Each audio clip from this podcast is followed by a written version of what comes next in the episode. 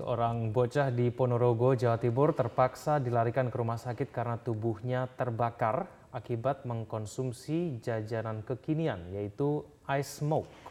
Jajanan itu mendadak mengeluarkan api dan langsung membakar korban.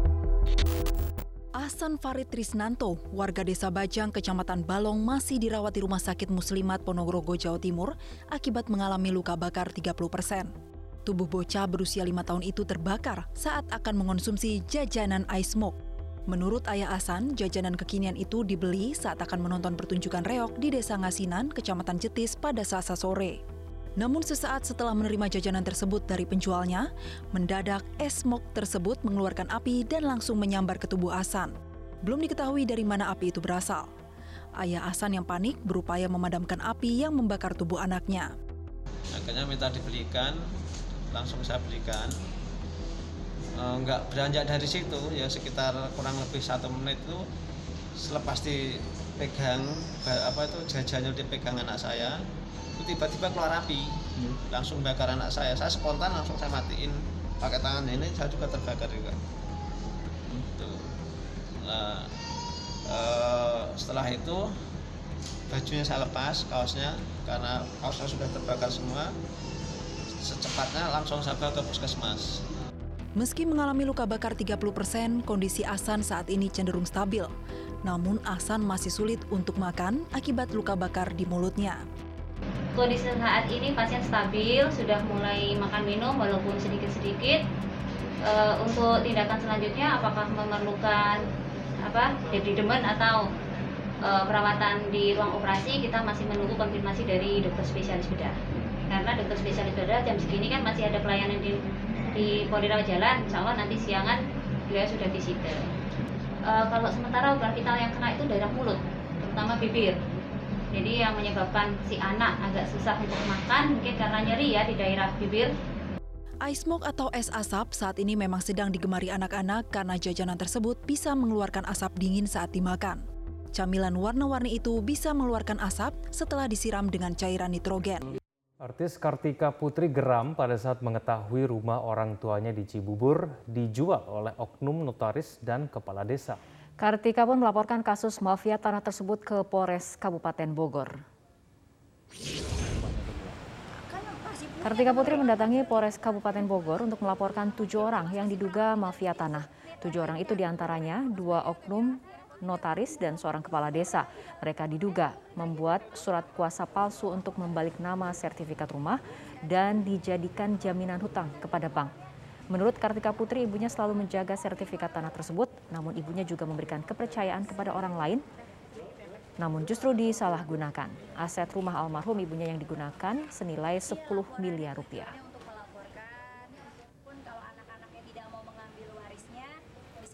Ada pasti ada ada dua ada dua oknum notaris yang diduga juga uh, ikut serta membantu. Juga ada beberapa uh, oknum-oknum mafia tanah lainnya yang diduga juga mafia tanah uh, bekerja sama yang bermain yang mengarahkan ini semua. Bukti-buktinya banyak sekali. Tadi yang kita lampirkan salah satunya di antaranya adalah keterangan ahli waris yang salah digunakan, akte autentik ahli waris yang salah digunakan, yang kedua uh, akte kuasa jual beli palsu tidak pernah hadir, lalu juga ada bukti juga penerimaan dari oknum notaris yang diduga juga uh, menerima sertifikat tersebut gitu. menguasai sertifikat tersebut. Iya jadi kayak gitu jadi ba lengkap sih bukti-buktinya bahkan komunikasi kita juga Persidangan perkara pemerkosaan dan pencabulan terhadap santriwati di Jombang dengan tersangka Muhammad Supia Salsani akan dimulai 18 Juli mendatang. Namun hanya ada satu korban yang nantinya mengikuti persidangan karena korban lainnya sudah menarik diri. Sejumlah korban pencabulan di Jombang, Jawa Timur dengan tersangka M. Subhi Azal Sani atau Mas Beki menarik diri Kepala Kejaksaan Tinggi Jawa Timur, Mia Amiati menyatakan, berdasarkan hasil pemberkasan penyidik, hanya ada satu orang yang bisa dijadikan saksi korban dan nantinya akan mengikuti persidangan di Pengadilan Negeri Surabaya. Mia menjelaskan korban-korban Becky yang sebelumnya melapor ke polisi sudah menarik diri. Mia menyebut satu korban tersebut juga telah dikeluarkan dari Ponpes sehingga punya keberanian untuk mengungkap semuanya. Meski begitu, pihak kejaksaan akan mengajukan pemeriksaan saksi tambahan kepada majelis hakim apabila ada kesaksian lain yang berani mengungkap kasus.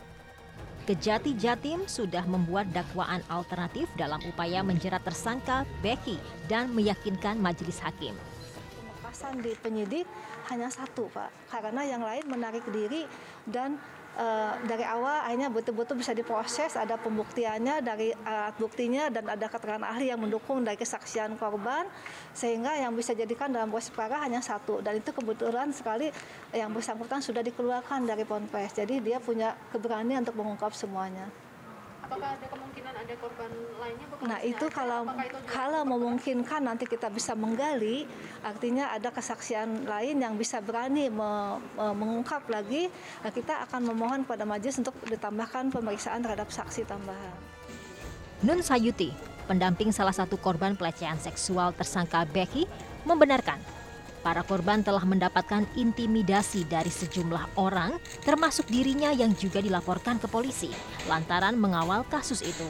Seluruh saksi korban kini mendapat perlindungan dari Lembaga Perlindungan Saksi dan Korban (LPSK) dan berharap dapat memberikan kesaksian di persidangan nanti. Bukan hanya saya, bukan hanya kami sebagai pendamping, teman-teman saya didatangi dan beratus-ratus orang mendatangi rumah pendamping. Bahkan kemarin salah seorang dari orangnya tersangka Subeki sudah ditetapkan jadi tersangka, sudah dihukum. Ada enam saksi yang yang juga kita lindungi ya uh, untuk kasus yang satu orang ini. Yeah. Nah itu memang uh, menarik adalah salah satu saksi kemudian menjadi korban korban penganiayaan dan itu prosesnya di Polres Jombang. Kita juga melindungi mereka secara fisik maupun prosedural. Pengadilan Negeri Surabaya telah menjadwalkan sidang perdana kasus kekerasan seksual dengan tersangka M. Subhi Azal Sani, Senin 18 Juli. Perkara M. Subhi akan digelar secara tertutup. Becky terjerat kasus setelah dilaporkan ke Polres Jombang pada Oktober 2019. Polda Jawa Timur mengambil alih kasus dan menetapkannya tersangka hingga Kejaksaan Tinggi Jawa Timur menyatakan berkas kasus lengkap atau P21 dan tersangka Becky dilakukan penahanan.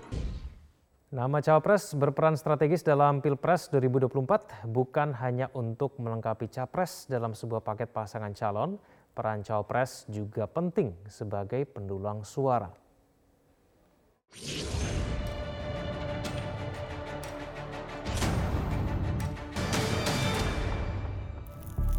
Pentingnya peran cawapres dalam sebuah kompetisi pilpres menjadi salah satu kesimpulan dalam survei Lembaga Parameter Politik Indonesia.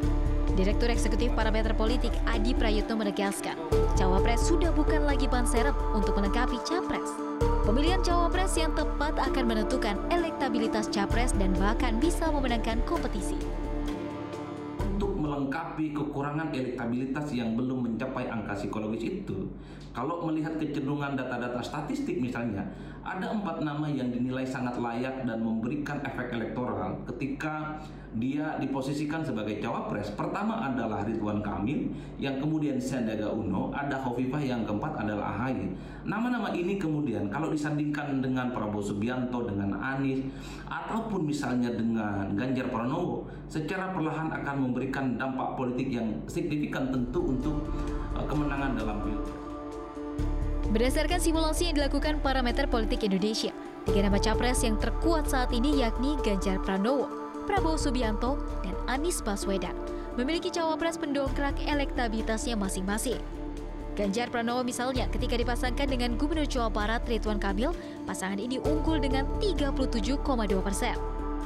Sementara pasangan Anies Erick Thohir 25,2 persen, serta Prabowo Puan 24,1 persen. Sedangkan ketika Ganjar dipasangkan dengan Sandiaga Uno, pasangan ini unggul tipis 31,6 persen. Sebaliknya Anies yang dipasangkan dengan AHY langsung melonjak ke angka 30,5 persen. Sementara itu elektabilitas Prabowo paling maksimal ketika dipasangkan dengan Ketum Golkar Erlangga Hartarto dengan elektabilitas 27, Empat orang tewas dan tiga orang lainnya kritis setelah menggelar pesta minuman keras selama dua hari di Surabaya, Jawa Timur. Pada saat ini polisi masih melakukan penyelidikan. Tujuh warga Bronggalan Sawah Satu, Kecamatan Tambak Sari, Surabaya, Jawa Timur diketahui melakukan pesta miras selama dua hari pada Sabtu dan Minggu atau pada saat malam takbiran Hari Raya Idul Adha. Usai melakukan pesta miras, ketujuh warga itu masih bisa pulang ke rumah masing-masing. Namun tidak lama beberapa di antaranya tidak sadarkan diri. Usai dibawa ke rumah sakit, dua korban akhirnya meninggal dunia pada selasa malam, sementara dua korban lainnya meninggal dunia satu hari berselang. Kapolsek Tambak Sari Surabaya Kompol Muhammad Ahyar mengatakan ketujuh orang itu menghabiskan empat setengah liter miras. Polisi akan meminta keterangan dari tiga korban lainnya yang selamat dan menunda hingga kondisinya membaik.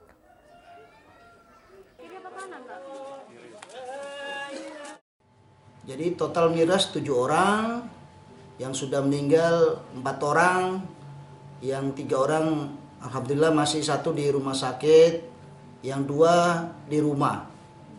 Ini dari keterangan dua orang yang di rumah ini, memang dia pesta miras itu menggunakan bir dicampur dengan arak. Jadi kurang lebih hampir sampai empat setengah